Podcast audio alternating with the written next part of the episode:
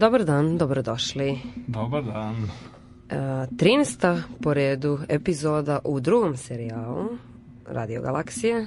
I došlo je proleće. I boga mi možemo reći da je već A, situacija baš, potpuno nije drugačije. Nije baš sasvim striktno, ali ipak je mnogo lepše. Da, I, e, pa dobro i kalendarski će uskoro, mislim, Jeste. 20 dana brzo proći. Jeste, ko, dana, ko ovaj, što bi se reklo, se orijentiše prema antičkom rimskom kalendaru, srećna nova godina. E, pa da, tačno. Bio prvi, prvi dan nove godine danas. u starom Rimu. E, upravo to, pa da. Tako da je zapravo, a i čini mi se da je počeo uh, uh, prema tom istom kalendaru, u stvari tek sad počeo novi milenijum. Pa eto. Tako nekako. Tako, tako nekako, da. tako da, a, eto, to je sve u svemu jako zanimljivo, pa Ovaj, pa, o, nadam se da ćemo o, ovaj, nastaviti u tom duhu u današnjoj emisiji. u današnjoj emisiji. Današnja emisija je malo drugačije, mada ne da, ništa nešto pretarano drugačije, ali današnja glavna tema je u stvari kao neki produžetak one rubrike Jedan pisac, jedna knjiga. Tako da se Koju danas... smo ostali dužni slušalcima ja, Jeste, od prethodne, to jest od one, prethodna bila repriza, ali od one predprethodne. Aha. Da. E, govorimo o Ser Karlu Popperu i osvrnut ćemo se i na nekoliko njegovih dela, pre svega na bedu istorici, bedi, bedi istoricizma, a pre svega toga malo vesti možda iz Centra za promociju nauke. Jeste. Oni ove, o, o, užurbano spremaju jedan projekat koji se dešava u maju mesecu, o kome će dosta biti reči u narednom periodu, a mm Zove se e, Maj mesec matematike i o tome ćemo vas obaveštavati, a ono što se dešavalo u poslednje vreme jeste da je, na primer, pre nekoliko dana, 24. februara, u prostorijama Centra za promociju nauke posetio, e, dogodio se jedan događaj koji se zvao Infodan laboratorije slavnih, a slušalci možda već znaju da je laboratorija slavnih da Srbija učestvuje u istoj od 2007. godine i da su neki učesnici bili dosta uspešni na istom a, a ono što se dogodilo u Centru za promociju nauke jeste da su se predstavili novi kandidati i da je zapravo otvoren konkurs za,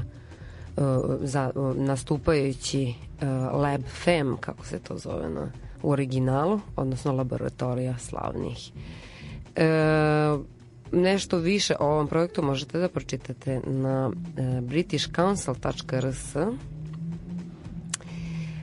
a ono što su takođe drugari iz Centra za promociju nauke uradili jeste, jesu priključili su se još jednom školskom festivalu po Srbiji je u prošle, prošloj godini počela jedna jedan, pa nije karavan, ali tako uslovno rečeno, e, popularizacija nauke po e, srednjim i osnovnim školama u Srbiji je započeta i e, 29. februara, to jest juče, školski festival se desi u Sremskoj palanci i tamo su prisustvovali različiti predstavnici, popularizatori nauke, bili su tu i neki psiholozi sa Filozofskog fakulteta u Beogradu, saradnici Hemijskog fakulteta, kao i saradnici Instituta za fiziku. I ovo je jedna dosta dobra manifestacija koja je započeta prošle godine u decembru, a nastavit će se uh, i kasnije u različitim školama, ne samo u Smederskoj pa-, palanci, već i svuda po Srbiji. Nešto više o tom možete pročitati na sajtu, to jest na naučno-popularnom portalu CPNA, pošto je to deo koji, uh, koji se bavi ovakvim tekstovima i sličnim događajima elementi ideje, naučni krug, video, radio, sve se tamo nalazi. Ćiro, šta ima novo u svetu nauke?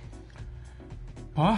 Kakva je situacija? Po nešto Po nešto se pojavljuje, ovaj, nije bilo nekih dramatičnih eh, spektakularnih, spektakularnih vesti. vesti. Bilo nekoliko interesantnih, eh, recimo eh, jedna od njih koja je objavljena u Biology Letters evo, pre dva dana zapravo je, sugeriše da je Tyrannosaurus Rex dakle legendarni mesožder dinosaurus, najveći među dinosaurusima mesožderima, istovremeno bio i kako stoje stvari, ovaj, imao ne samo najveću, mi se zove, nego i najsnažniju vilicu od svih stvorenja koja su ikada ikada ovaj, postojala na zemlji. Mm -hmm. Naime, otkopali, otkopano je nekoliko novih i jako dobro sačuvanih ovaj, vilica Tiranosaurusa Rexa koji su, sa koje su skenirane vrlo pažljivo a, rentgenskim uređajima izmerene, izmerena veličina zuba i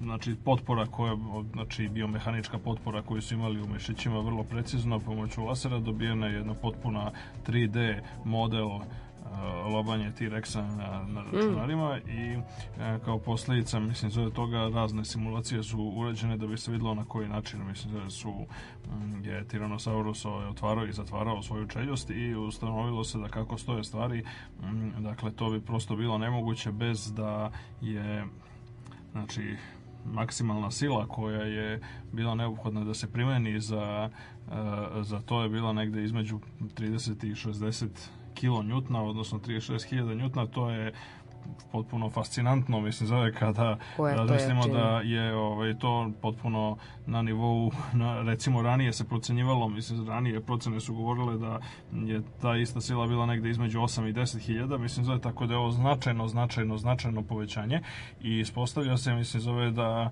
je recimo najveći predator današnjice u tom nekom kontekstu, mislim, zove što se tiče veličine vilice, to su neke vrste džinovskih aligatora, mm, gleda su, kako bi se reklo, kao male bebe u mhm. poređenju sa uh, Tyrannosaurusom Rexom, pošto je on u principu, mislim, zove imao uh, mišići koji su podržavali njegovu vilicu su imali snagu koja je, recimo bila 5 do 10 puta veća nego kod, ovaj, nego kod aligatora ili krokodila dan današnjice. Tako da mm, je ovo ne samo interesantno kao primer kako se danas kreativno koriste 3D modeli i mm, numeričke simulacije za rekonstrukciju prošlosti, nego je interesantno jedan detalj iz ako prirodne istorije ne treba zaboraviti na kraju krajeva da je eh,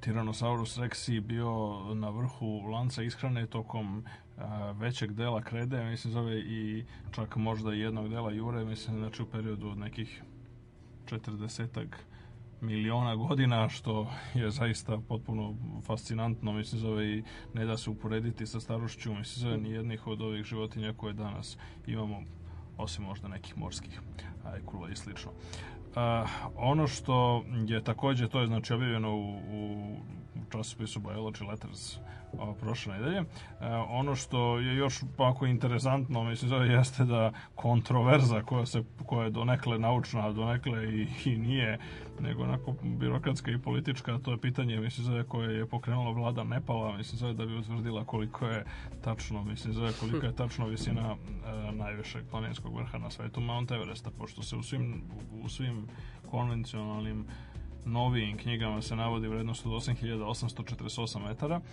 i na neki način je je ta, ovaj, eto, to je bila međutim samo jedan od niza cifara koje su, niza, niza brojeva koji su bili u opticaju tokom celog 20. veka i sad postoje nekoliko raznih tvrdnji. Mm, dakle, na Mount Everest se nalazi na praktično samoj granici Nepala i Kine i recimo Kina je koristila dugo vremena vrednost od 8850 metara, recimo, a sa druge strane jedan američki tim je koji je koristio GPS tehnologiju je zabeležio prilikom penjanja 1999. znači relativno skoro, mislim zove te visinu takođe koja je se podudarala sa tom kineskom od 8850 e, i međutim recimo nepalska vlada mislim zove ne priznaje to nego koristi ovu 8848 tako da postoji jedna velika debata ono što jeste interesantno jeste da je to dobra prilika za testiranje i zapravo međunarodni na neki način tim koji je se sad formiran na inicijativu nepolske vlade je, će testirati neke nove metode i nove tehnologije koje su e, prilagođene da rade, mislim, zove na jeli, jako niskom pritisku i posebno temperaturi od minus 45 Celzijusa recimo koja standardno, standardno vlada mm. mislim zove u, na obroncima Himalaja, tako da mm, je to onako interesantna stvar, pa ćemo vidjeti kako će se to dalje razvijati, mislim naravno razlika je jako mala i ono što je interesantno jeste da se ta visina, vero, ta visina se povećava svakako, ali kao posljedica rasta mala. Himalaja, da. ali to se dešava suviše sporo da, da, da bi se detektovalo, još mada Himalaji rastu i mm, to je posljedica činjenice da se i dalje nastavlja proces kojim su Himalaji kao jedan jako mlad planinski lanac nastali, a to je proces udara podudara indijskog podkontinenta sa mhm. azijskom kontinentalnom pločom, tako da mm, se kao posljedica toga ta, e, znači, hajde da kažemo, zemljina kora na tom interfejsu se naborala i e, od te naboranosti mi danas vidimo Himalaje, mhm. a, a to se i dalje raste, pošto se i dalje mislim, pokazuju, pokazuju precizna merenja da se indijski Indija uh, pomera ka severu, mislim, zove i dalje jako malom stopom, to su neki santimetri centimetri i milimetri godišnje, tako da, mhm. ali svejedno se taj proces nastavlja, tako da mm, to je ono što bi rekli Himalaj i dalje rastu, sad vidjet ćemo koliko, koliko tačno i koliko precizno.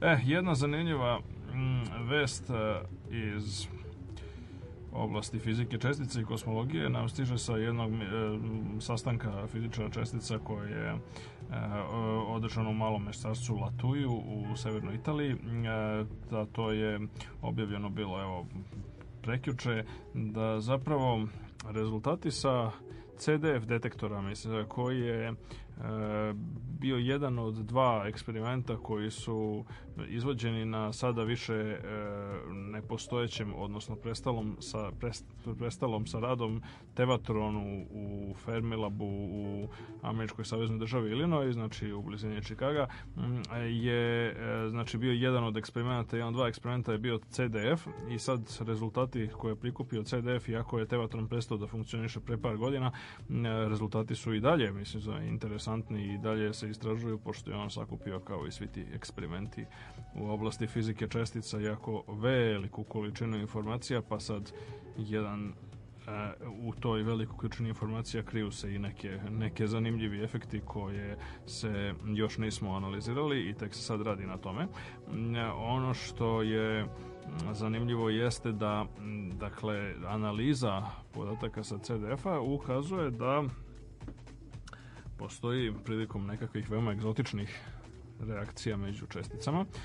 E, konkretno, mislim, zove radi se o ekstremno brzom raspadu, mislim, zove jedne od vrlo kratko živuće e, čestice poznate kao D-mezon ili D-mezon. E, dakle, e, sad D-mezon se raspada na nekakve čestice koje se pretežno, mislim, nazivaju česticama sa šarmom, pri čemu, naravno, treba razumeti da šarm kao i boja parnost, e, znači ukus i druge neke termini i veličine koje se pojavljuju u fizici čestica ne odgovaraju ničemu iz svakodnevnog života i onoga na što smo navikli da se te reči koriste, nego su u pitanju jednostavno kvantne brojevi koji imaju tako neke fancy nazive koji ne odgovaraju apsolutno ničem u klasičnom svetu. A ono što jeste zanimljivo da znači da dim mezon se raspada na ogromnu gomilu čestica, mislim da je raznih uglavnom tih čestica koje imaju kvantni broj šarm, ali ono što jeste interesantno jeste da e, istraže ove ovaj, rezultati sa CDF-a pokazuju da se dimezon raspada malo drugačije nego antidemezon. I sad, e, pošto, inače, mislim, zove, čestice bi zapravo, mislim, zove, čestice i njihove antičestice bi morale da se ponašaju i raspadaju potpuno isto, osim što bismo promenili znak tamo gde treba, mislim za pa bi umesto plusa bio minus i tako dalje. Inače one su potpunosti trebalo bi bar da budu u potpunosti ravnopravne, simetrične kao odraz jedne u druge u gledalu. E sad, to ona postavlja, to nas odmah vodi pitanju, dakle sve te mikroreakcije su generalno gledano potpuno simetrične u odnosu na zamenu čestica sa antičesticama. To nas odmah vodi pitanju zbog čega mm koji je e, svet napravljen samo od materije, a ne i od antimaterije u podjednakoj količini. Mi znamo da antimaterije gotovo da uopšte nema u svemiru, tako da što je prava sreća zato što onda ne dolazi do dramatične anihilacije koja inače dolazi kada se susretnu čestice i antičestica e, i problem jeste u tome što na neki način treba objasniti zašto u nekom ranom svemiru došlo do narušenja te simetrije i pojavio se ovaj naš svet, a ne nekakav antisvet, odnosno ne podjednak i podjednaka količina materije i antimaterije. Nije baš sasvim tačno da antičestica nema uopšte, pojavljuje se poneke recimo kao rezultat interakcija kosmičkih zraka sa recimo česticama u zemljinoj atmosferi se pojave poneki, mislim, antielektron, antiproton ili tako nešto. Ali to je ekstremno redko, mislim, i to je, to je jako ekstremno mala količina, znači uopšte nema nečega što bi se moglo nazvati jednom masivnom ili balk antimaterijom, znači ne postoje planete napravljene antimaterije zvezde i slično, i slično tome. Zašto je to tako? Pa očigledno da je nešto narušilo tu probitnu simetriju, negde bili u vrlo rano blizu velikog praska i a, e, ljudi su jako dugo od pionirskog grada Andreja Saharova tamo negde mislim, zove 60 neke godine, su a, e, se trudili da otkriju gde zapravo leži poreklo te simetrije, između, an, te ne, asimetrije između materije i antimaterije i a, e, jedan od ideja koju je Saharov predložio, mislim, je teorijski, koja je bila potpuno fantastična i, i radikalna i dramatična u to vreme, jeste da zapravo postoji način da, e, da se u nekim eksperimentima kod nekih dovoljno egzotičnih reakcija će se dešavati to da će e, jedna čestica da se raspadne na malo drugačiji način. Znači, bit će sve skoro isto ne, od svoje antičestice. Znači, bit će sve skoro isto, osim što će postati recimo nekakva mala razlika od recimo 1% ili 0, nešto posto, mislim zove koja će, gde će u proizvodima, u proizvodima raspada, mislim, zove jedna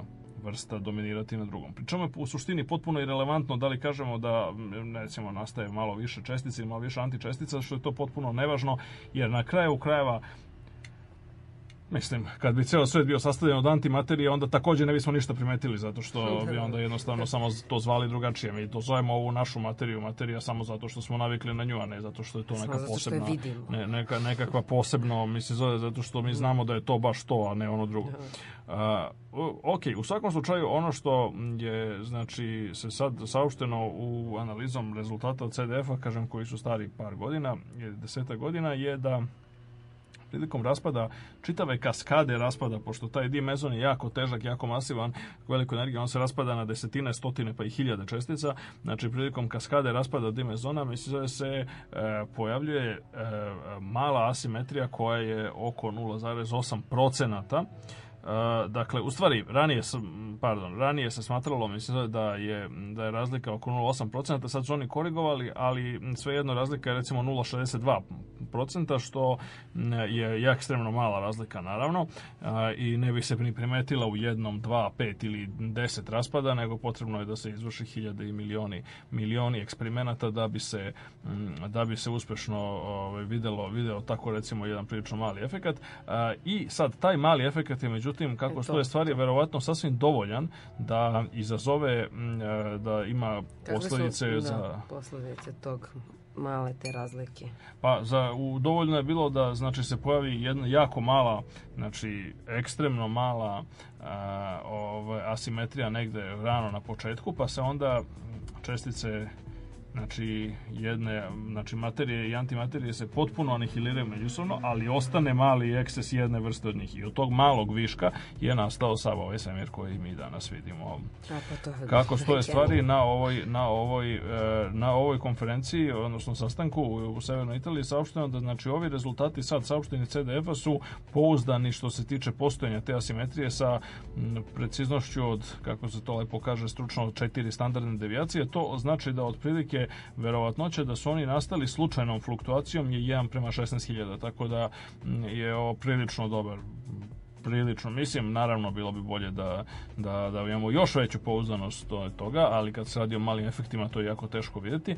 A sa druge strane, e, eksperimenti se nastavljaju, pa ćemo vidjeti kako će biti. Znači, slični eksperimenti postoje u LHC, odnosno preciznije LHCB, to je jedan od timova koji radi na velikom hadronskom kolajderu, mm -hmm. radi na tome, pa ćemo vidjeti kako će dalje odvijeti. U svakom slučaju, ono što jeste jasno da mi postepeno počinjemo da razumemo mnogo bolje kakvi su ti nekakvi dinamički preduslovi za procese koji su odigrali u ranom svemiru, tako e, pa da je to, danas, to. danas e, razumevanje ranog svemira je mnogo bolje nego što je bilo koliko pre 10-15 godina. Ok, a u današnjoj epizodi predstavit ćemo jednog japanskog uh, umetnika, ovako dosta svestranog, koji se zove Raiichi Sakamoto i to je jedan pijanista, e, da. glumac, legenda. pisac, legenda. A evo ga, tibenski tibetanski ples, kad smo već kod Tibeta.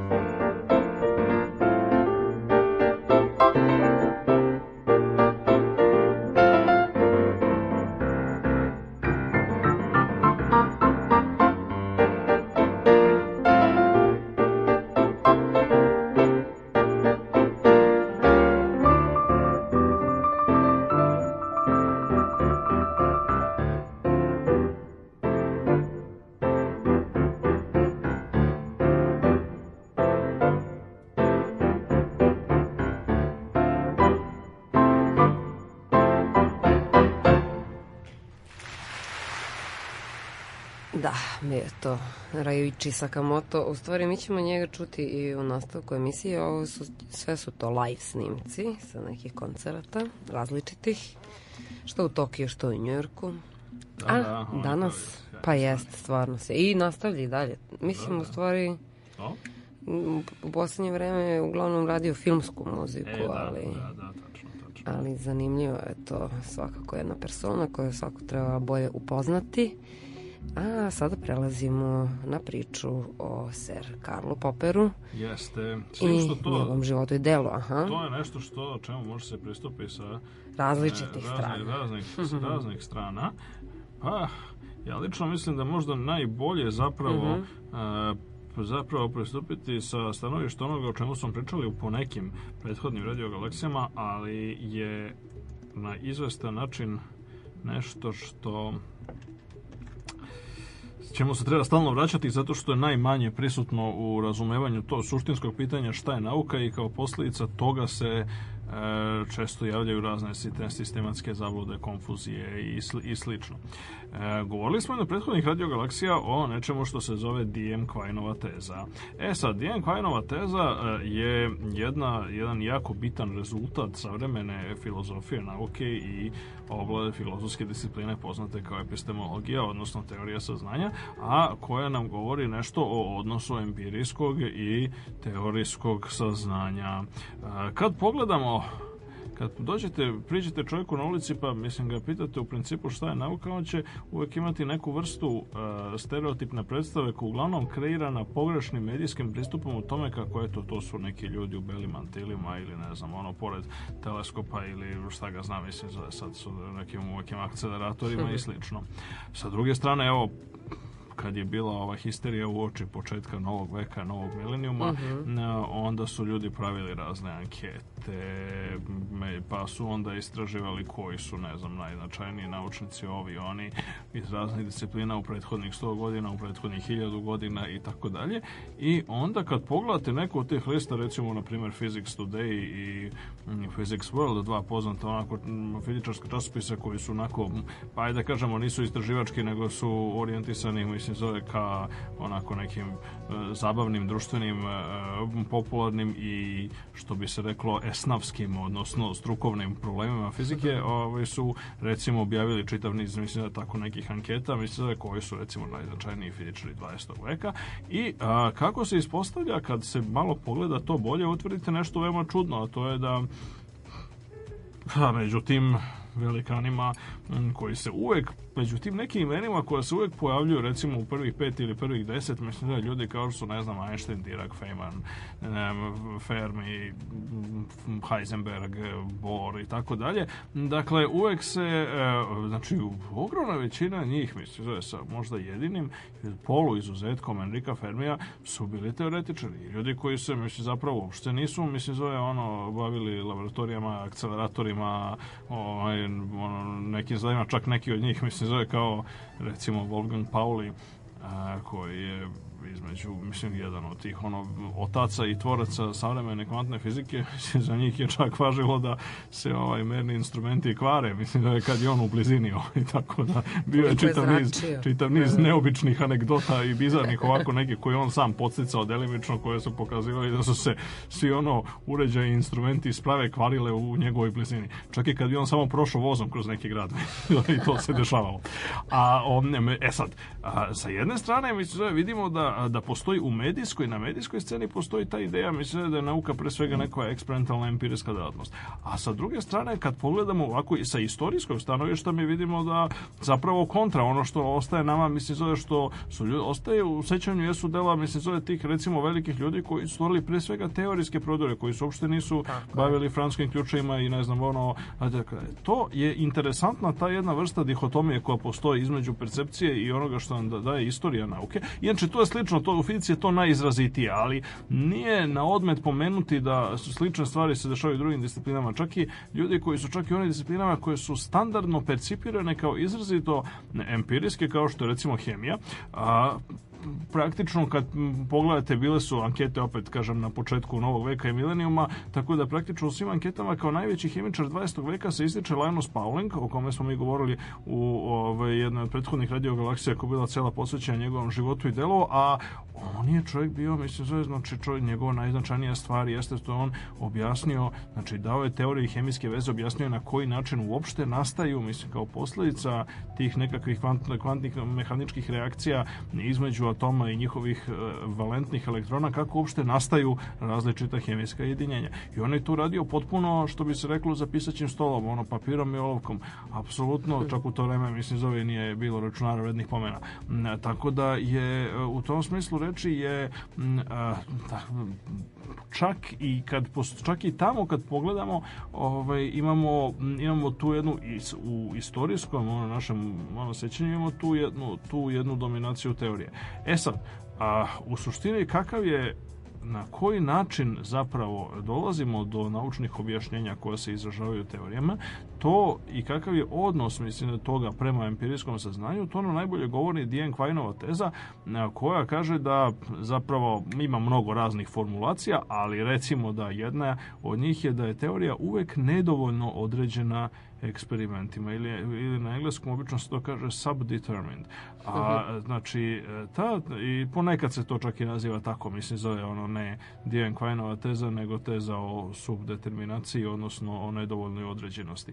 A šta to tačno znači? Pa uzmemo bilo koju pojavu koja je relativno dobro proučena, e, recimo kretanje platna. Mhm. Galilej je tamo prvi ovaj, okačio, mislim, zove, verovatno su ljudi to znali i pre njega, naravno, ali on je prvi koji je, e, hajde da kažemo, taj problem razmotrio sa nečim što i ole liči na savremeni naučni metod i on je zaključio da je to e, period oscilacija klatna ne zavisi od toga šta okačimo, mislim, zove na kraj klatna, odnosno kakve je mase, boje, mirisa, ukusa, oblika ili slično taj objekat, nego zavisi samo od dužine, od duži, dužine klatna. I a, taj zaključak je bio prilično revolucionaran i on je naravno otvorio put čitavim stvarima, napredovanju i teorijskom u smislu razumevanja Newtonovog zakona gravitacije i uopšte Newtonove mehanike, a takođe i praktičnom u smislu, pošto iz toga su nastali šta časovnici sa klatnom, naravno, koji, ovaj, koji upravo za tome svoju pouzdanost duguju upravo tome, mislim, zove što, znači samo od dužine klatna zavisi, a, zavisi koliki će biti period njegovih oscilacija. E sad, da li je Galilej zaista mogao da tvrdi, mislim, da a, period ne zavisi, na primer, od hemijskog sastava o, samog, samog hladna? Pa teško, zato što šta ja mogu da uradi? On je mogu da stavi, mislim, zove klatno od metala nekog, ali kog metala? Pa recimo da je gvožđa, bakra, Da li je mogo da, da, da isproba, na primer, sastav, da, da klatno napravljeno od, ne znam, uranijuma? Pa naravno da ne, zato što, mislim, Zoja niti je bio poznat u to doba, mislim, niti bi mogao da ga izvoji iz jedinjenja. A, a, o, ovaj, isto tako, mislim, onda je on mogao, zamislimo, recimo, razna komplikovana jedinjenja koje, kojih postoje na milione. Pa da li, da li mi zaista treba da stavimo, da napravimo kladna od svih mogućih ono miliona raznih vrsta materije? Mislim da smo zaključili da onaj, pa odgovor je ne, to očigledno mislim nije ni moguće, mislim zove, ovaj, a znači praktično izvesti niti može to da se uradi, a e, postavlja se pitanje, mislim zove, pa dobro kako onda, mislim zove, zašto mi onda sad?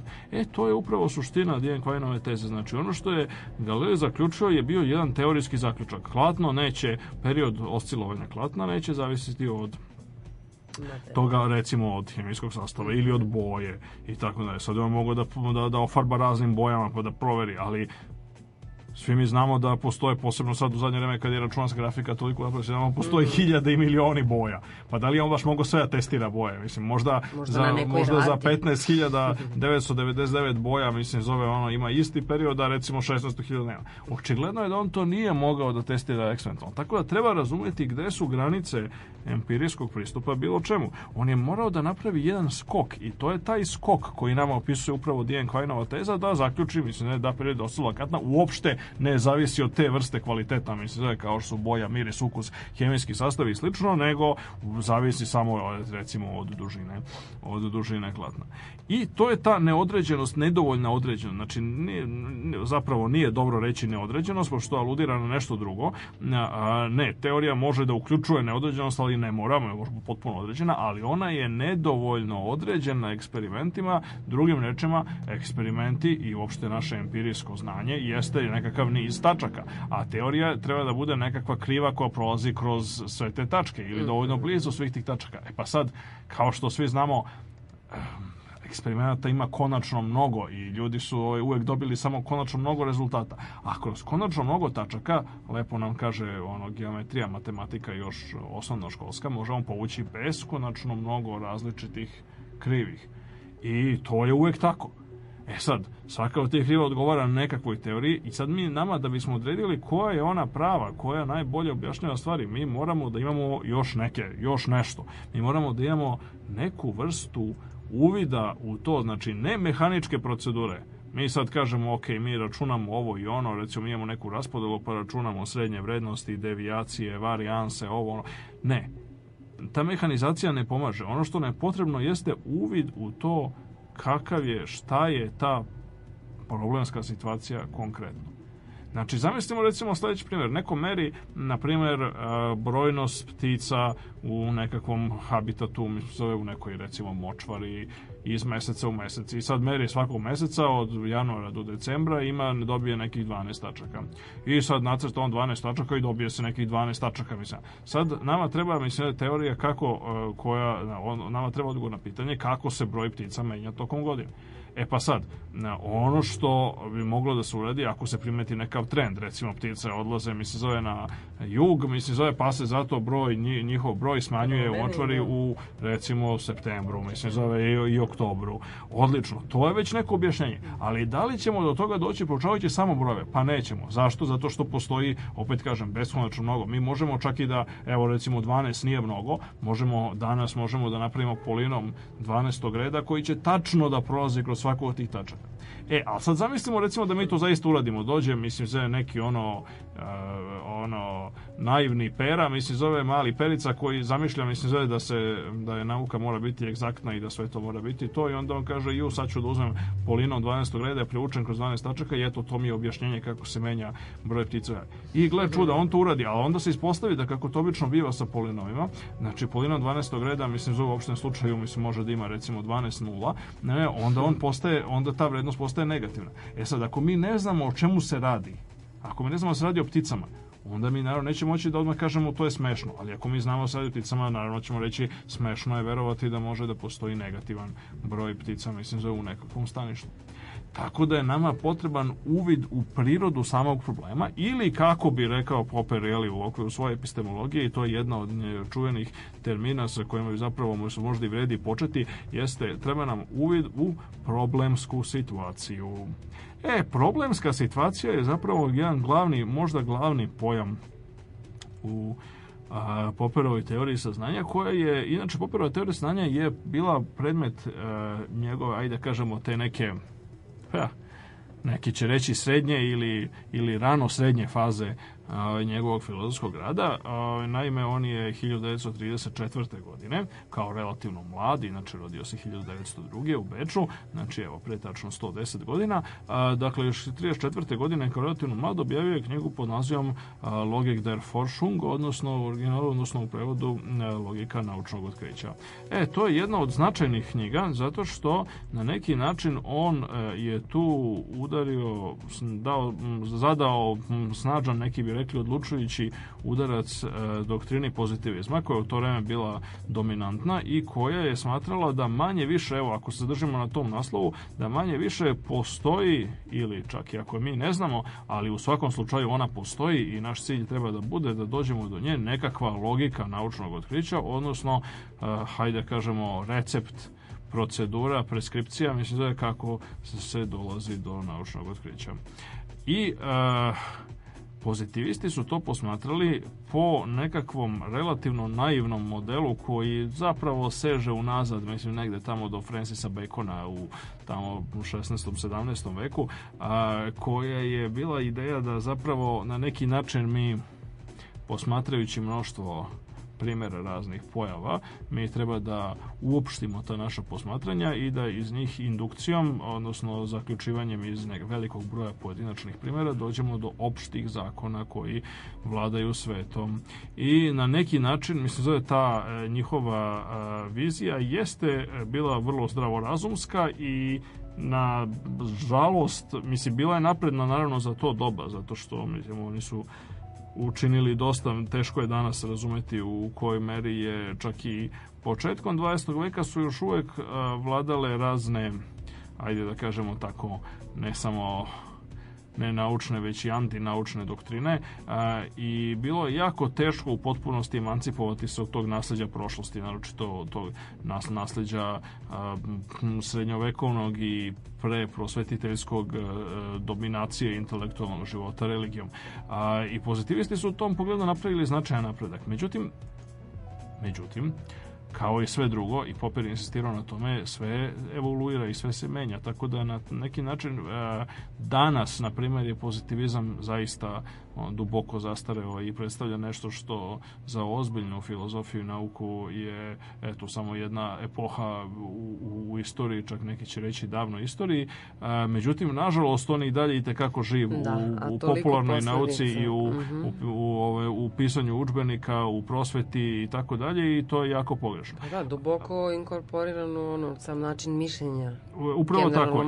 I, ja ću, ja ću, mhm. e, ovaj, evo, u, u nastavku uh -huh. ove mhm. emisije ćemo dati nekoliko nekoliko primjera gde, u kojima je, na, na osnovu kojih je Popper kritikovao pozitiviste, ali ono što bi pre toga rekao, znači te njegova čisto, e, znači ta, hajde da kažemo, epistemološka i filozofsko-naučna e, aktivnost je zapravo počela eto sa objavljivanjem logike naučnog otkrića 34. a na neki način mislim zove je se mm, vrhunac dosegla u njegovoj knjizi Conjectures and Refutations, odnosno kako je kod nas prevedena i to dosta dobro prevedena, pretpostavke i pobijanja. Ima, e, takođe se može naći u prilično dobrom izdanju a, Zorana Stojanovića i Sremskih Karlovaca, našeg najboljeg filozofskog, hajde da kažemo, izdavača.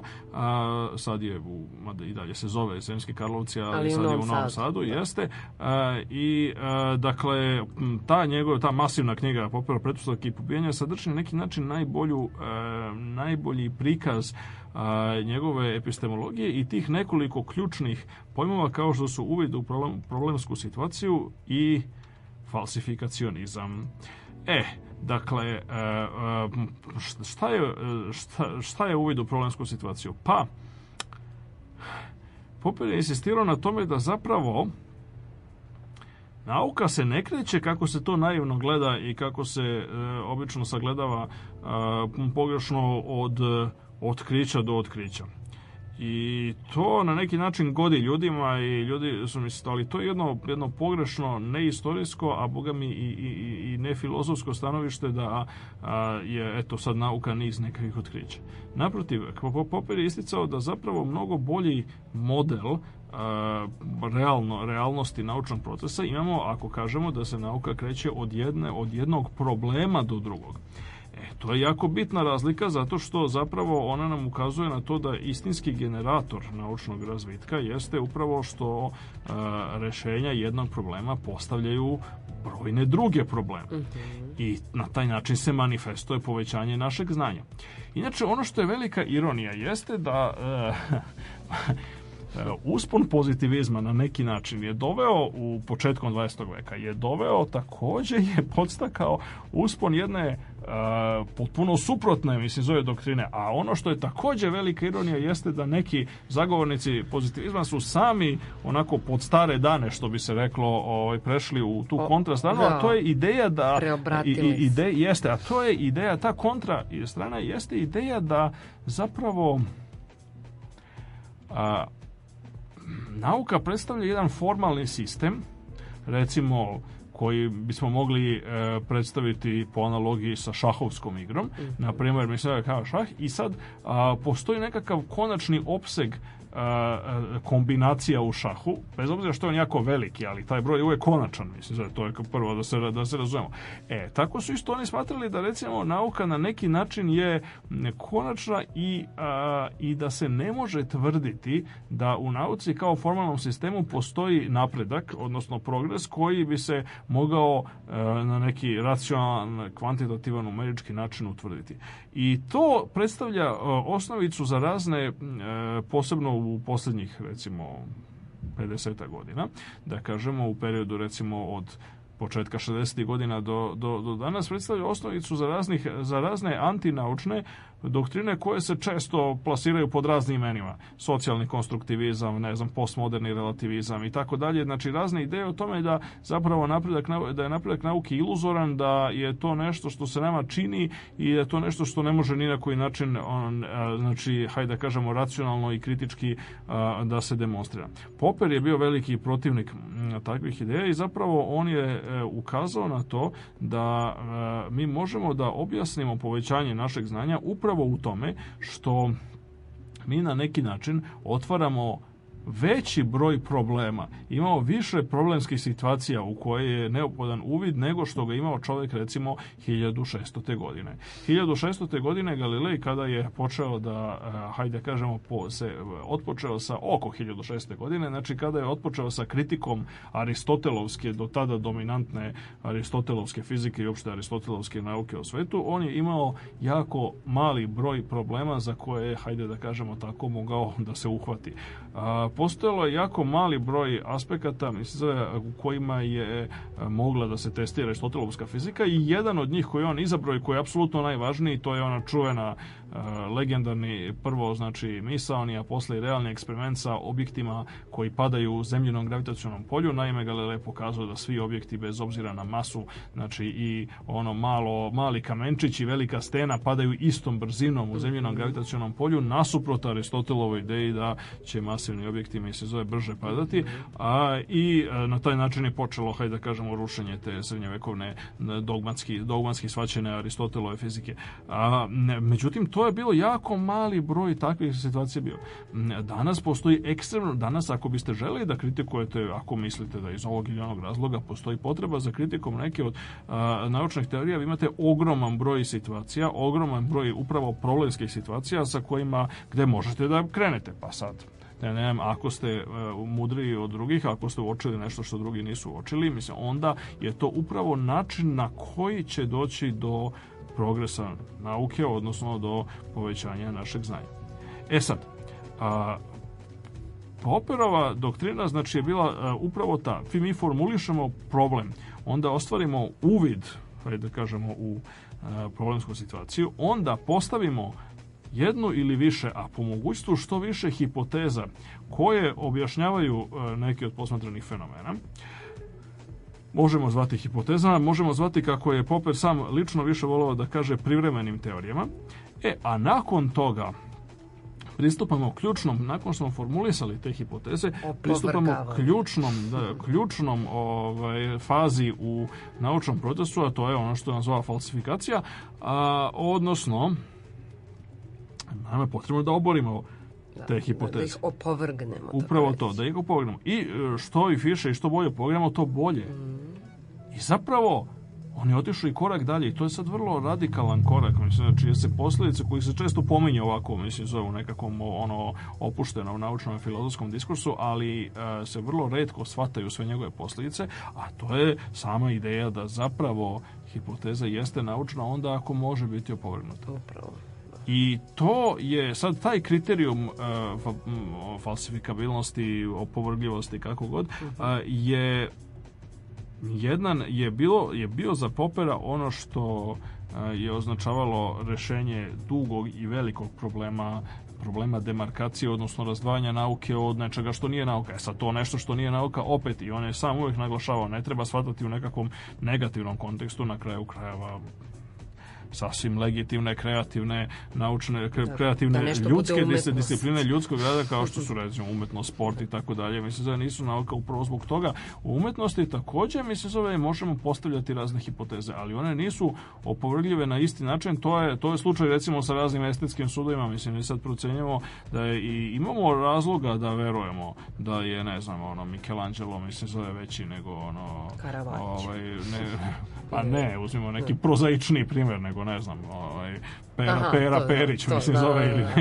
ili, ili ovaj, neki lokalni. dakle, ne, dakle, neki loš, mislim, zove lokalni ovaj, umetnik, ali, a, ali sad, da li to možemo da, o, da li to možemo tu tvrdnju da dokažemo ili opovrgnemo na onaj način na koji je to karakteristika naučnih sudova, mislim, Teško. na e, koji možemo to da uradimo sa iskazom da je 2 plus 2 jednako 4 ili da zemlja nije ravna ili tako dalje, ovaj, to je, znači, to, to definitivno nije slučaj.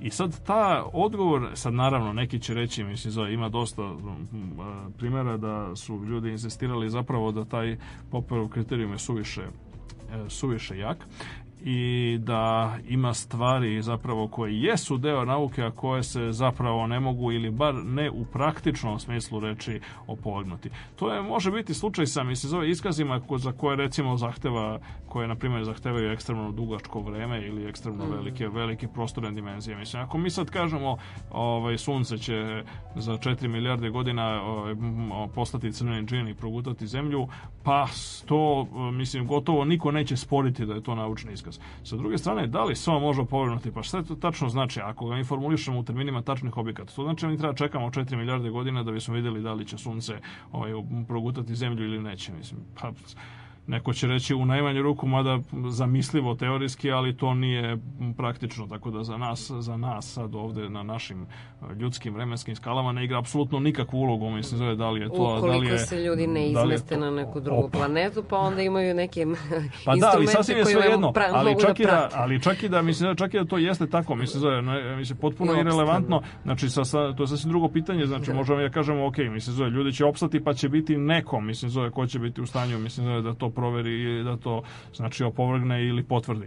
Ali, empiri, ali to jednostavno sa stanovišta pitanja koje se nameće danas, jer mi na kraju kreva danas treba da odgovorimo na pitanje da li je ono A, B ili C naučni iskaz ili ne, to je jako nepraktično. Ima drugih primera sličnih gde su ljudi kritikovali posle Popera njegov kriterijum demarkacije kao suviše jak mm -hmm. i smatrali da je potrebno nešto slabije zapravo, mislim zove ne, nešto slabije da bismo razdvojili tačno šta je nauka, a šta nije i bile su neki predlozi o tome, sam Ivan Popper je kritiku doživljavao jako blagonaklono i na kraju krajeva on je bio sam izvor, mislim da čuvene sintagme i čuvenog aforizma koji je mm, apsolutno, hajde da kažemo, nešto što je kada bi ljudi ozbiljnije shvatili sve bi bilo mnogo lepše, a naime on je lepo napisao svoje vremeno, najveći kompliment koji nekome možete da učinite jeste da ga kritikujete.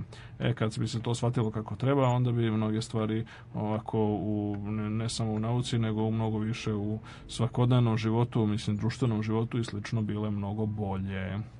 A sada malo na našeg japanskog umetnika Sakamoto i još jedna stvar sa live koncerta u Tokiju. Zove se Amor.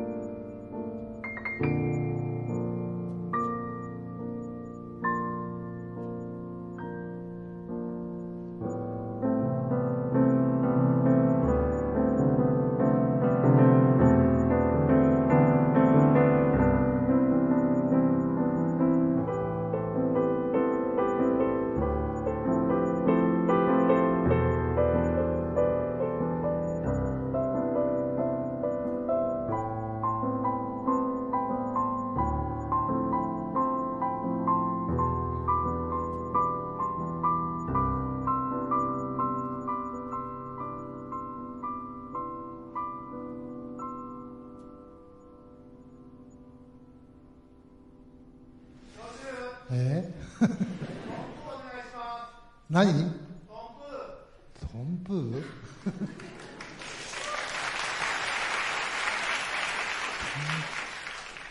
ーはねまだ準備してないんだけどあの忘れちゃったなどういうんだっけなつって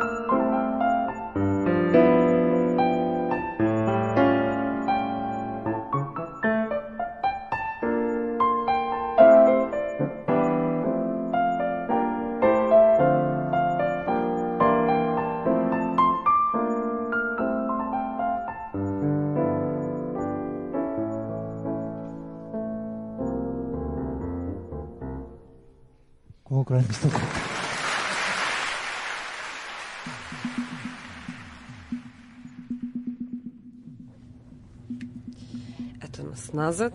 Aha, tu smo. upravo tako. I mhm. sad, uh, I sad, ovaj, sad dolazimo popeš? do centralnog dela, mhm. mislim, znači, centralnog dela ove ovaj, priče, znači, poenta jeste u tome da mi kroz proces falsifikacije mhm. odbacujemo najveći broj hipoteza ili privremenih teorija i sad ta falsifikacija može biti na najrazličitije načine.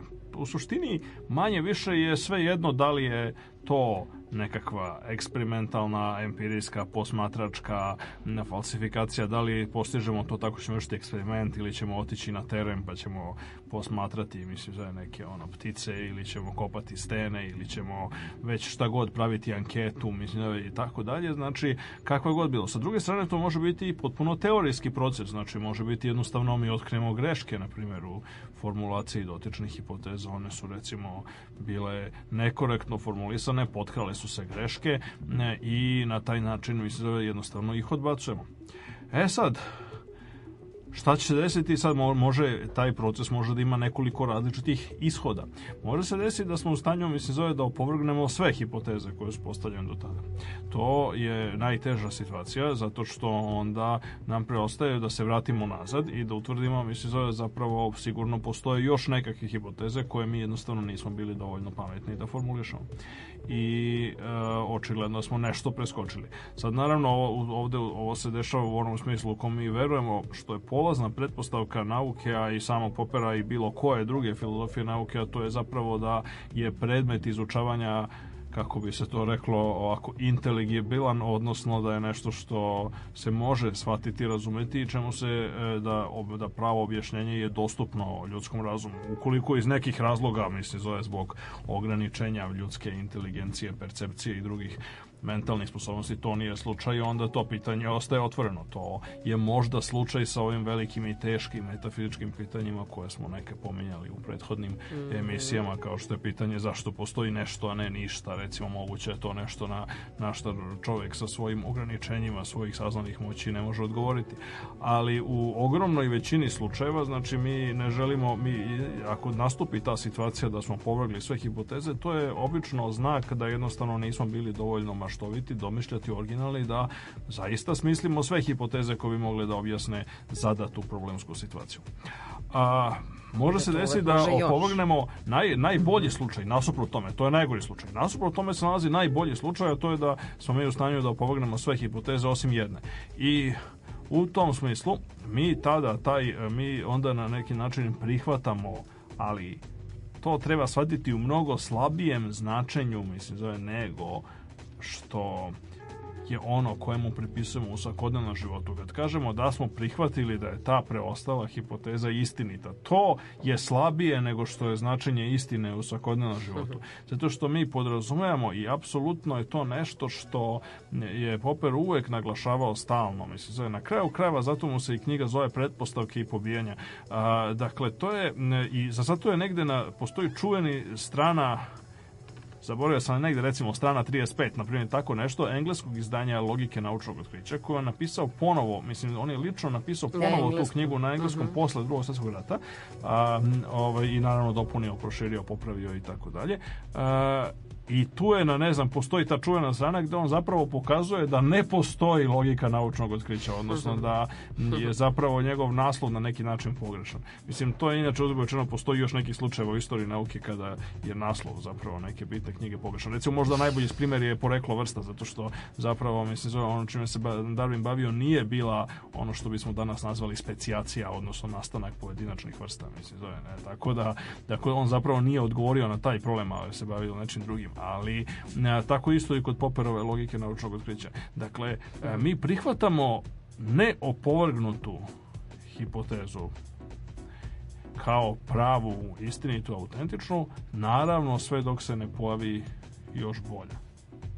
To se može desiti, može se ne desiti, može se desiti za 100 godina ili 1000 mhm. godina, to nije važno. Mi ne možemo sad da gledamo u pasulj i da kažemo, o ne, mi nećemo da prihvatimo ovo, zato što će za 500 godina, mislim, zove, ako se ljudi ne unište među vremenu, se pojaviti nova i bolja teorija. Ne, to je pogrešno. Mi prihvatamo to kao i Kao što su ljudi prihvatali Newtonovu mehaniku, Dakle, dok se nije pojavila bolja, mislim, recimo, Einsteinova teorija relativnosti. I zato mi danas prihvatamo Einsteinovu teoriju relativnosti, jako smo svesni da se može pojaviti bolja. Ali mi ćemo i dalje da tvrdimo da u naučnom smislu reči, mislim, zove, znači, naučna istina je ono što proističe iz Einsteinove teorije relativnosti, ono kada, kada Einstein, recimo, predviđa da će doći, na primer, do dilatacije vremena ili do skraćivanja dužina, kada se krećemo brzinama, bliskim brzinama svetlosti, mhm. mi kažemo da to jeste naučna istina.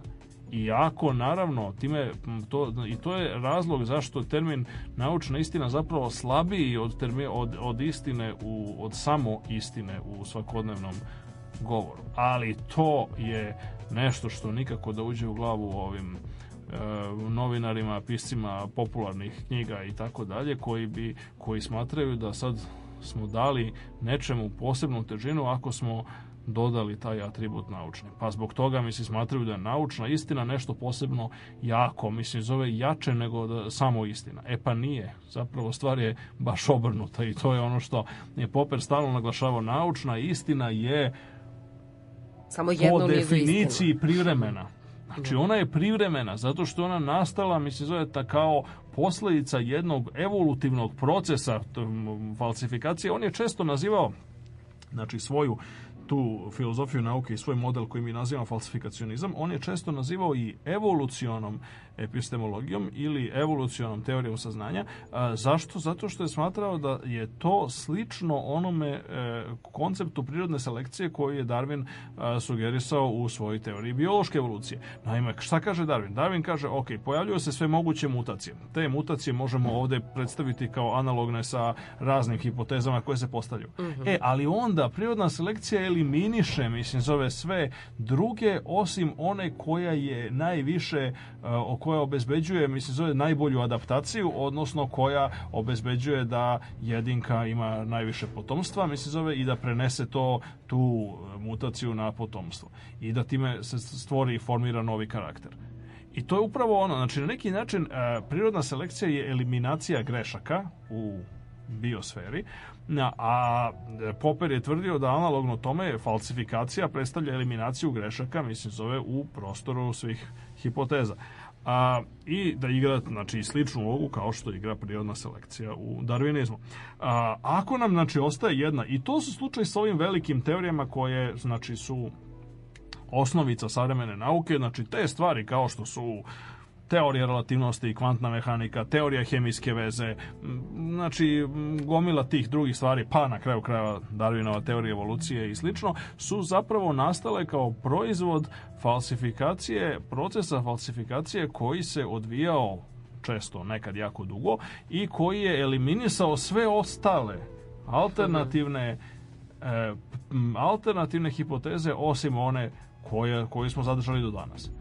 U slučaju recimo darwinističke teorije evolucije mi smo imali alternativne hipoteze koje su sugerisale ili da se vrste, da se biosfera uopšte ne menja, to je bio onaj stari, stari kreacionizam iz 18. veka, ili da se recimo to dešava kao što je Lamarck sugerisao tako što se nasleđuju stečene osobine. E, recimo, to je bila sasvim korektna naučna hipoteza koja je bila različita od darwinističke, odnosno od one da je prirodna selekcija, ona koja uh, kreira, koja stvara, mislim, za one karaktere koje, koje vidimo u živom svetu oko nas i Ljudi su je podvrgli eksperimentima i ustanovili su da lamarkizam barem Nije. kod barem kod više ćelijskih organizama, dobro bakterije i mega jednoćelijski organizmi su nešto drugo, ali kod više ćelijskih organizama da e, lamarkizam jednostavno ne funkcioniše. Mm. Znači lamarkizam je opovrgnut eksperimentalnim testovima koji su se vršili tokom više decenija i e, zbog toga se e, lamarkizam ne svata ozbiljno, mislim on se pominje samo u istoriji nauke i tako dalje. E, I to je primer, mislim, zove uspešne falsifikacije. Isto tako, bila je, pored teorije velikog praska, mislim, zove, bila je teorija večnog stanja tamo od 40, poznih 40-ih, 50-ih, 60-ih godina 20. veka. Ona imala sasvim drugačija predviđenja, pojavila se nova astronomska posmatranja i ona je uspešno opovrgnuta na osnovu novih posmatranja. I tako dalje možemo pregledati kroz, čitavu, kroz čitav presek svih mogućih nauka, pa reći mi se zove, ok, ovo je opovrgnuto, a, ovo nije, ovo je ostalo da važi kao privremena teorija. E sad, a, znači, šta se dešava šta se tačno dešava? Ako imamo taj slučaj, znači ne zaboravimo, to je ipak to je drugi od tri moguća ishoda falsifikacije. Znači, jedan je da nemamo ni jednu, mislim, zove, ni jednu neopovrgnutu hipotezu, to je najgora i najteža situacija koja pokazuje najverovatnije da nešto nije u redu sa našim razumevanjem problema, treba da se vratimo na početak. A, najbolja je ta da nam ostane jedna neopovrgnuta hipoteza koju ćemo onda upgradeovati i promovisati, mislim, zove u rang teorije koja daje istinito objašnjenje tog fenomena dok se naravno ne pojavi neka druga. Uh mhm. -huh. Treća mogućnost je da nam ostane više, da nam ostane dve ili više, e, dve ili više neopovrgnutih hipoteza i tada se taj proces jednostavno mora nastaviti. Sad, po neki put je to jako teško zato što recimo smo mi iscrpli ceo, e, mm. ceo spektar mogućih eksperimenta koje možemo da izvedemo ili smo potrošili, na primjer, ajde da kažem, potrošili smo sve pare, mislim, ove ili fondove koje su nam dali za to istraživanje i to je znači. obično, obično mislim, zove onako situacija da. koja odgovara svako svakodnevnoj aktivnosti e, naučnika, mislim zove zato što vrlo često to onda samo znači da treba napraviti nove eksperimente ili treba napraviti nove numeričke simulacije ili nove teorijske analize i da zahteva još više vremena. Znači time se na neki način prolongira da. status quo koji imamo. A poenta jeste da zapravo a, mi se na neki način, tim procesom, se mi na neki način približavamo pravoj istini o, o objašnjenju nekog fenomena, ali je nikada ne dostižemo, odnosno hmm. nikada ne možemo biti sigurni da smo je dostigli. To je neka vrsta asimptotskog procesa. Mi, se, mi smo sve bliže i bliže, ali nikad nismo sigurni da smo ga dostigli zato što bez obzira, makar i stvari koje najbolje razumemo, ne možemo jednostavno imati garancija i na tome je Popper jako insistirao, da kroz ono 100, 200 i 500 i 1000 godina, mislim, zove neće doći ljudi sa mnogo većom bazom podataka, sa mnogo savršenijim uređajima, sa, mislim, mnogo pametniji u krajnjoj liniji od nas, mislim, zove i ovaj, i imati bolje objašnjenje od toga. Tako da mi na neki način težimo da, da se jasnije. E, ali šta se onda menja? Pa menja se i stalno se povećava broj objašnjenja koje smo odbacili. I to na neki način predstavlja zapravo najbolje merilo progresa u nauci, odnosno povećanje našeg saznanja, opet recimo od 1600. godine do danas se manifestuje u tome što danas imamo daleko manje ne pobijenih hipoteza i ne opovrgnutih hipoteza o svetu nego što je mogao da ima čovek recimo 1600. godine. Znači, 1600. godine mislim je moglo da se pretpostavi gomila sa To što ljudi nisu zaista pretpostavili, to je drugo pitanje. Ali neko bi mogao, mislim zove, da postavi mnogo više hipoteza i imao bi mnogo veću teškoću, mislim zove, da ih opovrgne nego što, imamo, nego što je slučaj danas. Uh, I to je odraz napretka nauke. To se između ostalog vidi na krajnje praktičnom nivou. uh, da manje više svako ko se bavi naukom, a posebno recimo nekim oblastima kao što je astronomija, koje su posebno privlačne, mislim, zove za to svako malo se suočava sa ovaj, onom pa čak neko bi rekao, moglo bi se reći i relativno simpatičnom vrstom pseudonaučnika, to jest ljudi koji su sad rešili da potpuno promene našu sliku sveta, koji imaju svoju teoriju svega ili mislim zove ono alternativu velikom prasku ili mogu da pokažu da je Einstein bio u krivu ili već Newton ili šta god. E, dakle, zašto takvi, mislim, zove, zašto ta vrsta amatera, mislim, zove gotovo nikad, mislim, zove ne, e, ne uspeva, mislim, zove ništa da postigne realno? Pa odgovor je upravo u tome. Zato što oni ne razumeju koliko je teško danas, koliko je danas teško, mislim, zove pronaći nepobijene hipoteze. Da. da jer po poenta jeste u tome da najveći deo alternativa koje su ljudi već samim protokom vremena i činjenicom da ima dosta ljudi u nekakvoj naučnoj oblasti, samim protokom, znači ta evolucija se odvijala brže. To je isto analogija sa darvinističkom evolucijom. Znači, darvinistička evolucija, kad se ona odvija sporo? Kad ima mali broj jedinki, kada su one razređene, kada su one daleko, kada imaju malo potomstva, mislim, ili kada, recimo, period njihovog života je jako dugačak. To se odnosi, primjer, na velike životinje. Zašto je evolucija velikih životinja, recimo, kao što su ljudi, slonovi tako da, jako spora? A evolucija insekata jako brza. A evolucija bakterija još ono, Jahaj. šokant, šokantno brza, da, da, pa se da. one tokom ono par godina na, postanu imune na sve moguće lekove, antibiotike i slično. Pa zato, mislim, zove što evolucija jednostavno različito deluje na različite stvari. I sad, tamo gdje ima jako mnogo, mislim, zove jedinki i gdje se promjene dešavaju brzo, kao što je recimo kod bakterije insekta, tamo evolucija napreduje jako brzo. To je isto slučaj sa naukom. Znači, oblasti u kojima je bilo dosta naučnika i koje su trajale dugo vremena, znači bilo je mnogo generacija, su toliko detaljno pročešljane da očekivati nekakav revolucionarni ono korak je jako teško, a posebno od strane amatera. Tako da to jeste jedan od načina da mi razumemo da je e, na koji način je napredak nauke, na koji način ono što je bilo moguće da čovjek uradi 1600. ili ne znam 1700. godine i tako dalje, da promeni pa čak i 1905. kao što je Einstein radio, da promeni, napravi takav veliki revolucionarni otklon, verovatno nije moguće ili je mnogo teže danas, potreban je mnogo veći intelektualni napor i mnogo veći kapacitet, verovatno mnogo veća iskra genijalnosti u onoj meri o kojoj se o kvantifikaciji toga može govoriti nego što, nego što je bio slučaj ranije u istoriji. I, I to je na neki način... reći da je Poperova zasluga ogromna e, zapravo. Pa u mnogome da mm -hmm. i to je mhm. ono što mislim zove danas. E sad naravno ne moraju svi da prihvataju falsifikacionizam, čak i nije toliko ni bitno mislim zove da ga ljudi eksplicitno prihvataju. Mm -hmm. Ono što jeste bitno jeste da je on ostavio strahoviti uticaj na docniju, znači na svu docniju filozofiju nauke e, i epistemologiju. Praktično e, alternativne Eh, alternativne mi pristupi eh, racionalnom objašnjenju naučnog metoda i objašnjenju napretka nauke su praktično i nastali na osnovu određivanja prema Poperu, odnosno na osnovu sumnje ili osporavanja jednog ili drugog ili drugog aspekta mislim Poperovih ideja. Treba razumeti još jednu stvar. Znači, to se direktno nadovezuje upravo na percepciju i percepciju nauke, mislim, zove u realnosti. Opet, kao što rekao, s jedne strane, nauka nema baš bog kakav status u društvu i to imamo prilike da vidimo svakodnevno, jer da ima zapravo, mislim, evo, recimo, ne bi smo mi bili sad u Radio Galaksiji, mislim, zove, nego bi postojalo, mislim, zove, recimo, 50 sličnih programa, mislim, zove, na svim mogućim medijima, pa bi konkurencija bila jako velika i tako dalje i tako bliže da je drugačije. Sa druge strane, postoji, mislim, zove mistični i potpuno nepotrebno mistifikatorski a, ovaj, oreol oko toga kad se kaže da je nešto naučno dokazano. To su one, svi oni potpuno besmislene reklame koje vam kažu, eto, naučno je dokazano da ono, Merix pere bolje od Ariela ili da je, eto, mislim, zove žvakaće gume ove, mislim, zove su ono tri puta bolje za vaše zube od onih i tako dalje. To je problem u tome što ljudi ne razumeju da znači, je naučna istina mislim, relativno slaba.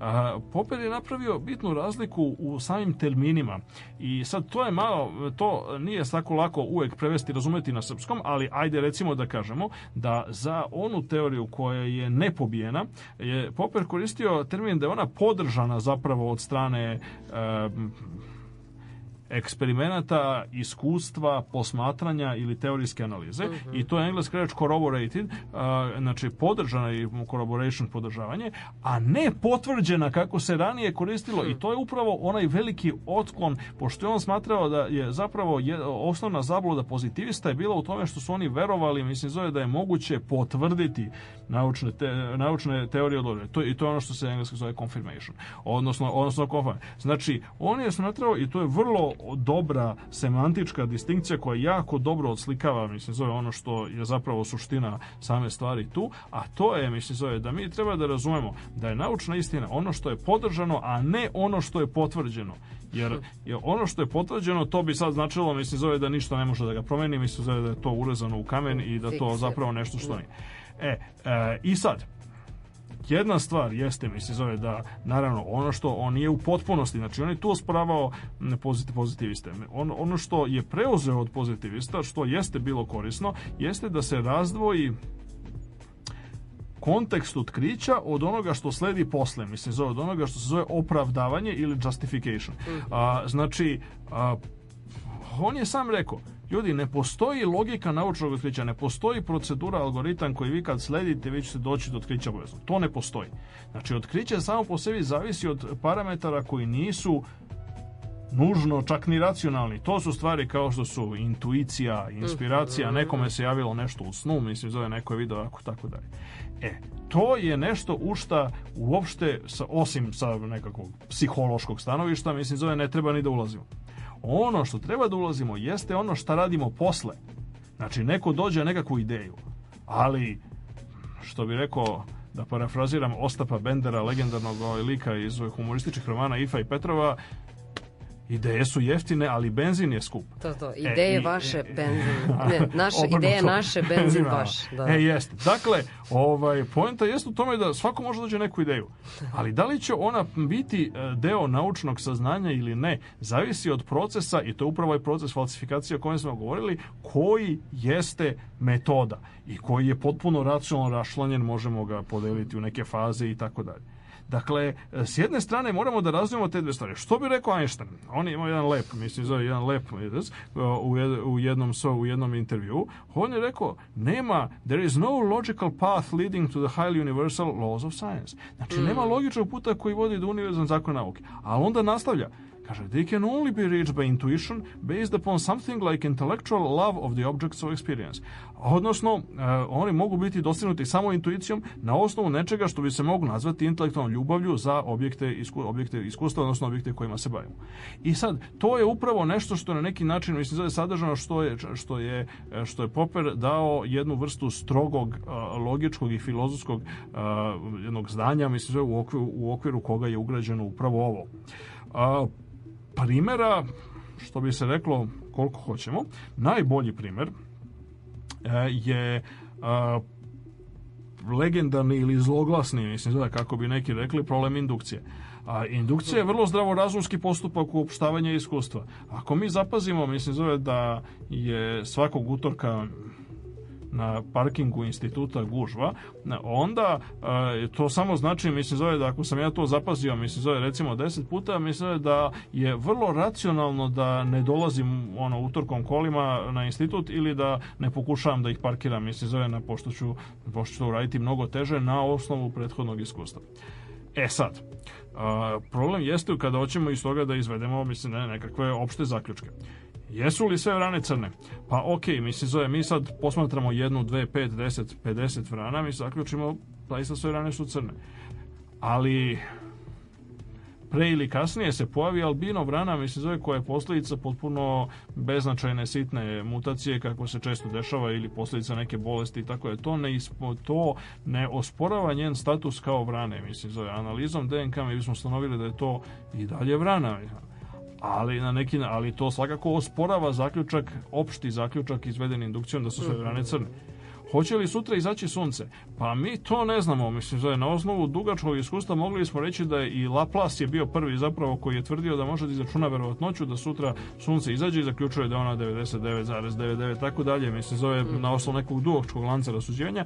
Međutim, to ne mora, nije to nužno da se desi. To, takva tvrdnja nema snagu zakona. Možda se tokom noći ono mini crna rupa, mislim, pojavi koja će odvojiti zemlju sa njene putanje oko sunca, mislim, zove i tako dalje. Moguće je crne rupe su jako male i kompaktne, mogle bi da se prišunjaju neopaženo, što bi se reklo. A, jeste za to verovatnoća ekstremno mala. Ali ekstremno mala verovatnoća to znači, mislim, da ona osporava univerzalnost, suštinsku univerzalnost zakona. Znači, to ne možemo da kažemo da taj iskaz sunce sutra izaći, mislim, zove, ima istu težinu kao iskaz da je 2 plus 2 jednako 4 koji je deduktivno izveden iz aksioma aritmetike. Bertrand Russell je nešto pre Popperove analize dao sjajan primer za to, pošto on isto bio veliki kritičar pozitivizma i on je lepo rekao, ljudi, zamislimo inteligentne piliće koji žive u kokošincu to, i ovaj da. i da. sad oni primećuju mislim zove kako svaki dan dolazi farmer i daje im o, hranu. Ne moraju ništa da rade, čak i nezavisno to kako se ponašaju, mislim zove svaki dan će dobiti hranu. A, I sad oni zaključuju, mislim, zove ne samo da je ovaj svet jako lep, mislim, generalno, da, da, ne, da nego najbolj. i da je postojanje farme, da je razlog postojanja farmera, mislim, zove i cele ono, farme okolo, mislim, zove zato da oni imaju šta da jedu, bez obzira šta radili. Mislim. E, i sad taj zaključak koji je izveden na osnovu 5, 10, 15, 20, 100 dana, 500 dana, mislim, tako dalje, a, oni na osnovu toga induktivno izvode zaključak da će i sutradan, mislim, zove farmer doći i doneti im lepo hranu. E, ali, pošto sutradan farmeru, mislim, zove dolazi mislim, zove ne, prijatelj na ručak, mislim, zove onda farmer sutradan dođe, mislim, zove i zavrne pile tu vrat e, i pile se nađe, mislim, zove na, ovaj, na, na što bi se reklo meniju.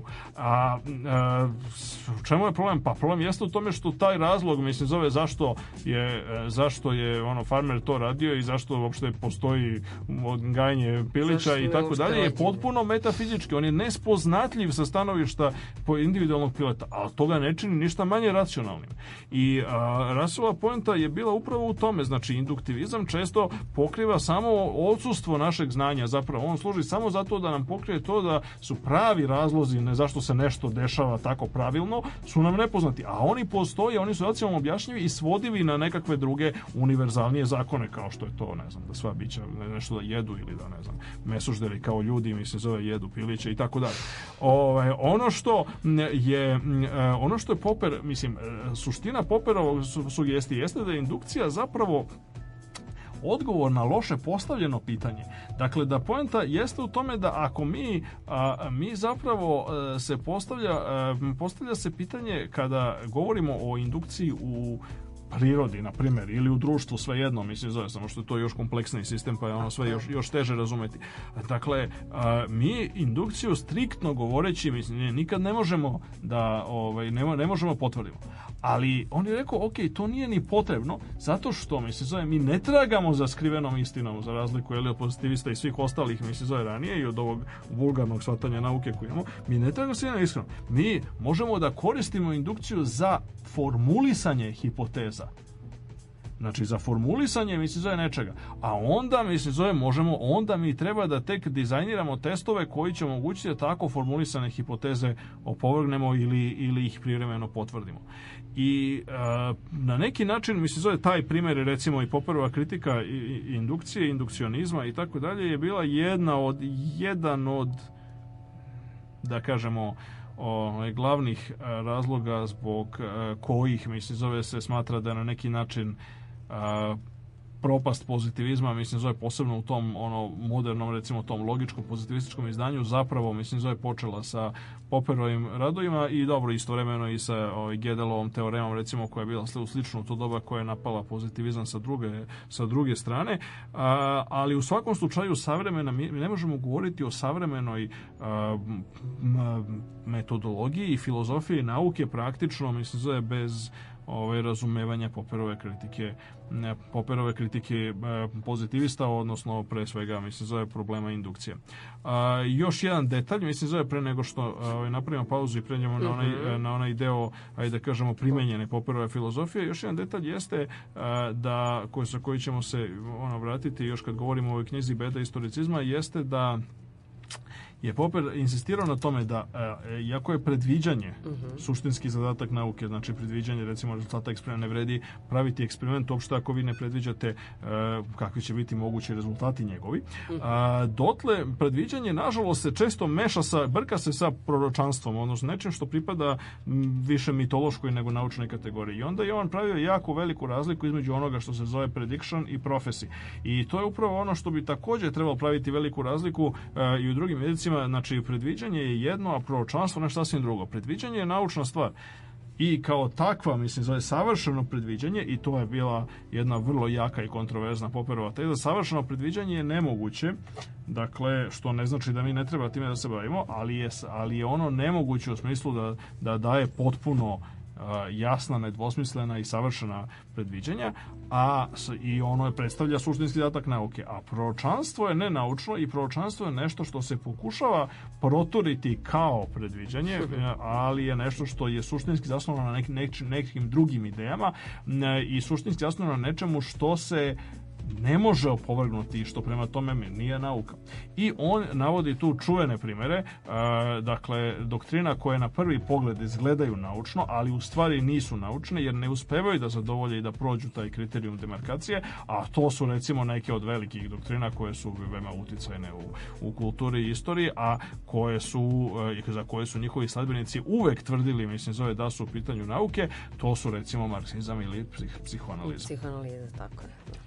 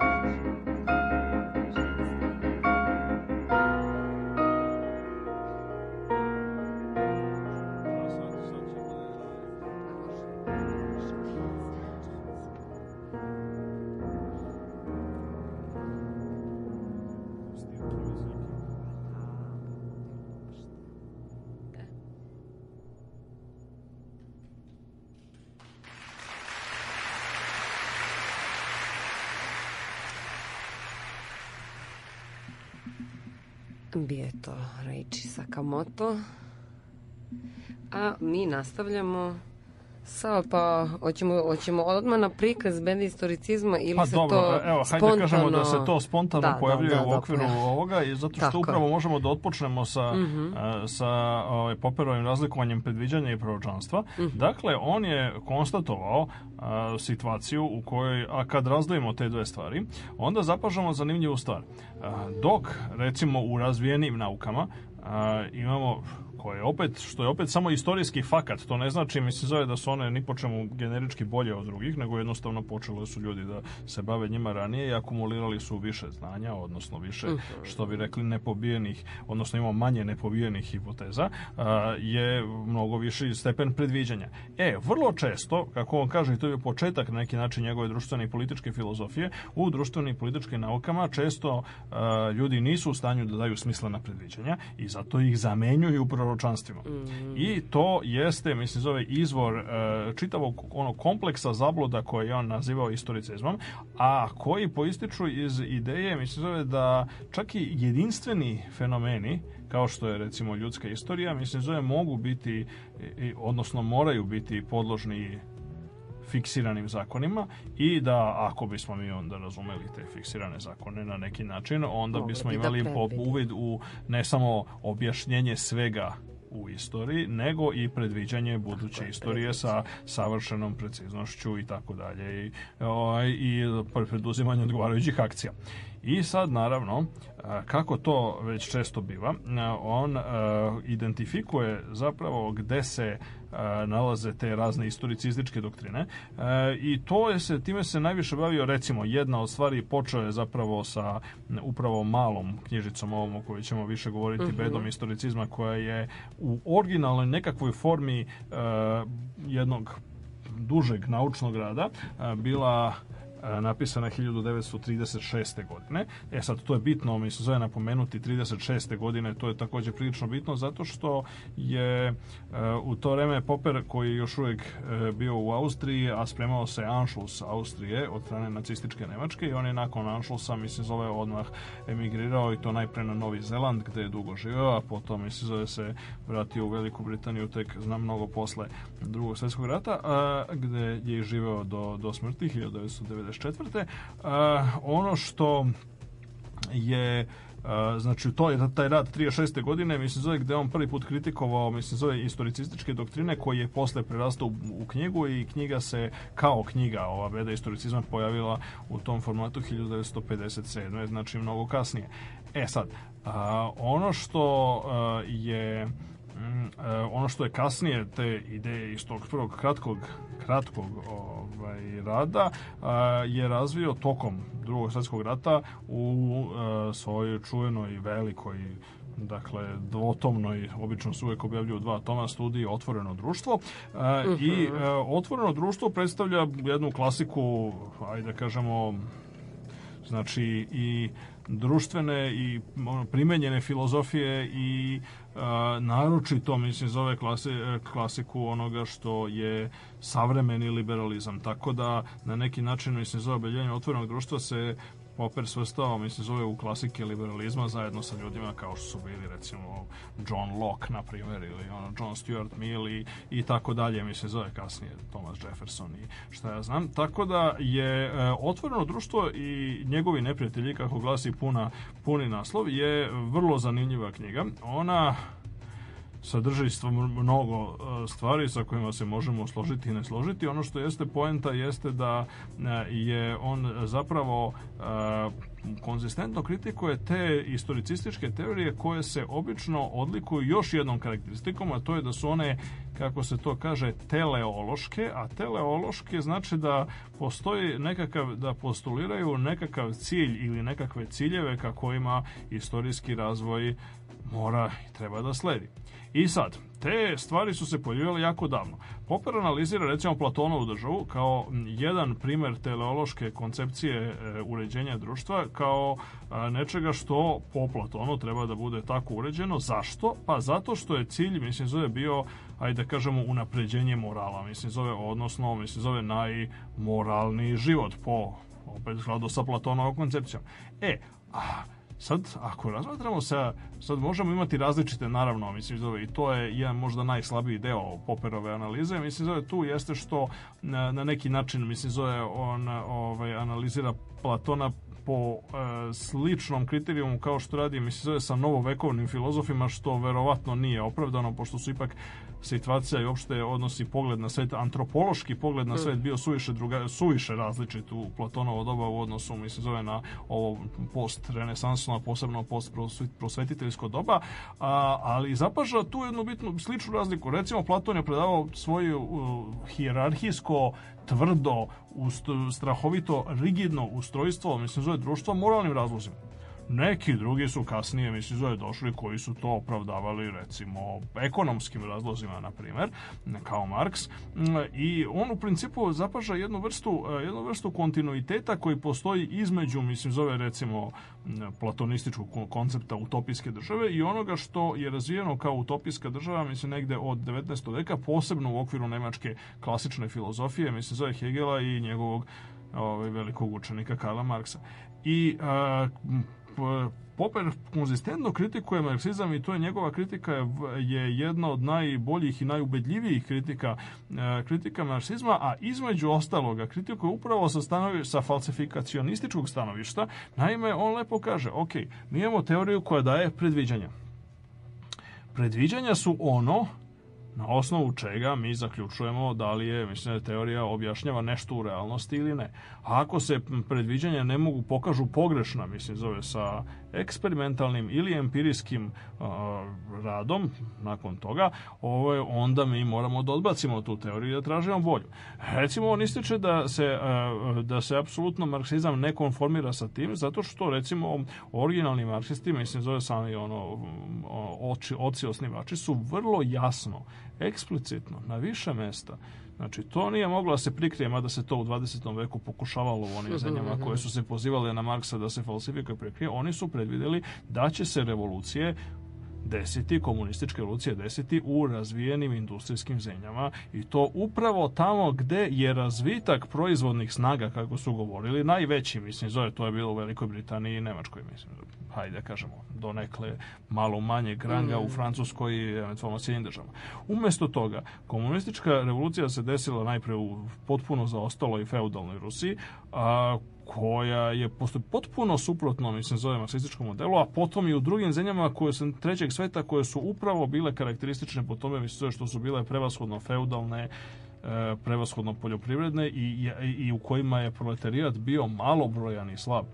I taj, to je recimo najpoznatije, mislim, zove marksističko predviđanje koje se pokazalo istorijski, znači empirijskim uvodom, uvidom u to što se dešava potpuno pogrešnim.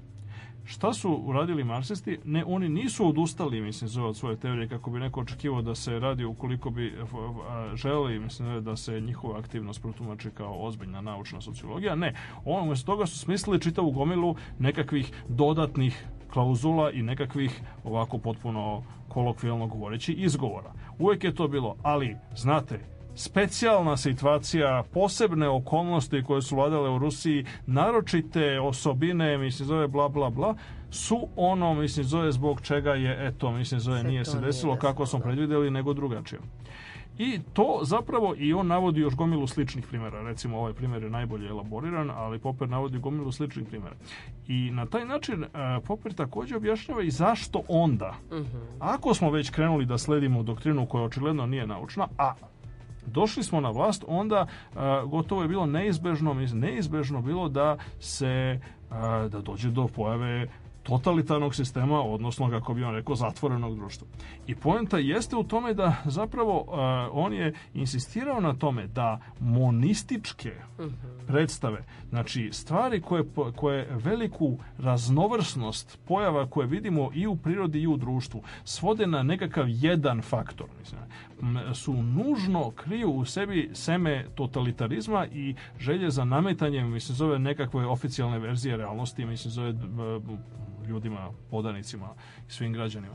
Dakle, poenta jeste, bez obzira da li je taj monizam, recimo, religijski, mislim, zove, vi kažete, eto, mislim, zove, ono, sav društveni život i politika, sve je ono potiče od Boga, mislim, ili je on a, pravljen tako, mislim, zove, da bude naivno materialistički kao što radili marksisti, pa kaže sve je u pitanju klasna borba, vlasništvo na sredstvima za proizvodnju, sve se može objasniti, mislim, zove na taj mhm. način. Ili je u pitanju što srećom oni nikad nisu ono vladali negde, pa ne možemo da damo, ali je u pitanju ne, podsvest kao kod psihoanalitičara. Šta god, ne znam da objasnim, ali to je podsvest, mislim, vidite, to je nešto što se ne može, ne, mislim, ne može se, može se objasniti jedino kroz delatno delovanje podsvesti koja inače sama po sebi konstruisana tako u originalnim Freudovim radima da bude nešto mistično i, ovaj, i, i nejasno u šta se može, mislim, zove neprecizno određeno i omeđeno, u šta se može ugurati sve i svašta, mislim, zove šta, šta se može. I na taj način zapravo, mislim, zove, zapravo a, imamo jednu vezu i to je ono što je možda, mislim, zove najzanimljivije Poperovo a, zaveštanje, hajde da kažemo tako, jeste a, njegovo insistiranje na tome da ispravna i korektna epistemologija Znači, e, ispravna teorija saznanja, znači jedna, jedna fleksibilna, otvorena i racionalno zasnovana e, racionalno zasnovani način sagledavanja sveta i dolaska, mislim, zove do istine, makar ona bila samo privremena, nas samim tim nužno vodi, mislim, zove ka e, većoj slobodi i ka liberalnom društvu. Mhm. Onome što je naziva otvorenim društvom. I to je, zapravo, to je sad jedna, to je vrlo kontroverzna teza, ima mnogo ljudi koji to osporavaju, ali ja lično smatram da nije, prosto, mislim, ne postoji nekako odlučujuće, mislim, zove ovaj, osporavanje te njegove teze, a naprotiv on se time uklopio u jedan, u jedan, uh, jedan trend koji su i drugi značajni, mislim, zove intelektualci koji su se bavili društvenom teorijom kao u to njegovo doba, recimo, kao što bi bila Hannah Arendt ili kao što je recimo bio iz mhm. malo drugačijeg stanovišta, se zove George Orwell, a, je zapravo formulisao isto to, oni su na neki način došli do istih ili vrlo sličnih, mislim, zove tome ideja. Mnogobrojne kritike koje su bile ovaj, upućene su ono što je samo Popera najviše obradovalo, kao što rekao, on je insistirao na tome da dajete ljudima kompliment kad ih kritikujete, a takođe je napisao, mislim, da znači je ono što je ključna osobina i ključna, ključna stvar koju treba da tražimo u društvu, mislim, zove, jeste mnoštvo mogućnosti. Kao što vam sam kažem, mnoštvo mogućnosti za one koji žele da uče i za one koji žele da uživaju na najličitije načine. Ali najvažnija stvar da smo spremni da saslušamo obrazloženu kritiku i da smo srećni zbog sugestija za dobrobit našeg društva. To je Popper pisao 86. u svojoj maloj, zanimljivoj i filozofskoj autobiografiji koja je objavljena i kod nas pod naslovom Traganje bez kraja i to dosta davno je objavljena, čini mi se još u Sarajevu, u bivšoj Jugoslaviji, tamo negde pred raspad Jugoslavije 89. 90. A, je, je, to je vrlo interesantno fascinantna knjiga, preporučujem svakome apsolutno traganje bez kraja, jako interesantna i ne zahteva nekakav tehnički i filozofski materijal. E, Neko za sam kraj da se vratimo beda istoricizma, znači beda istoricizma predstavlja najbolju e, na neki način, hajde da kažemo, kritiku e, tih stanovišta koje smatraju da eto postoje univerzalni zakoni koji upravljaju istorijom i koji upravljaju tako komplikovanim stvarima kao što je ljudsko društvo, kultura, politika a, i da se to može svesti na neku vrstu jednostavnih zakona. Znači, a, evo, kratak karakteristični Citat. karakteristični odlomak, Od, iz BD istoricizma.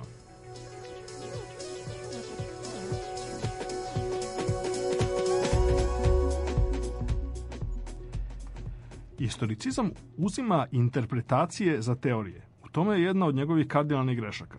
Istoriju je moguće, na primer, interpretirati kao istoriju klasnih borbi ili borbi rasa za dominacijom, kao istoriju religioznih ideja i borbe otvorenog i zatvorenog društva, odnosno kao istoriju naučnog ili industrijskog napretka.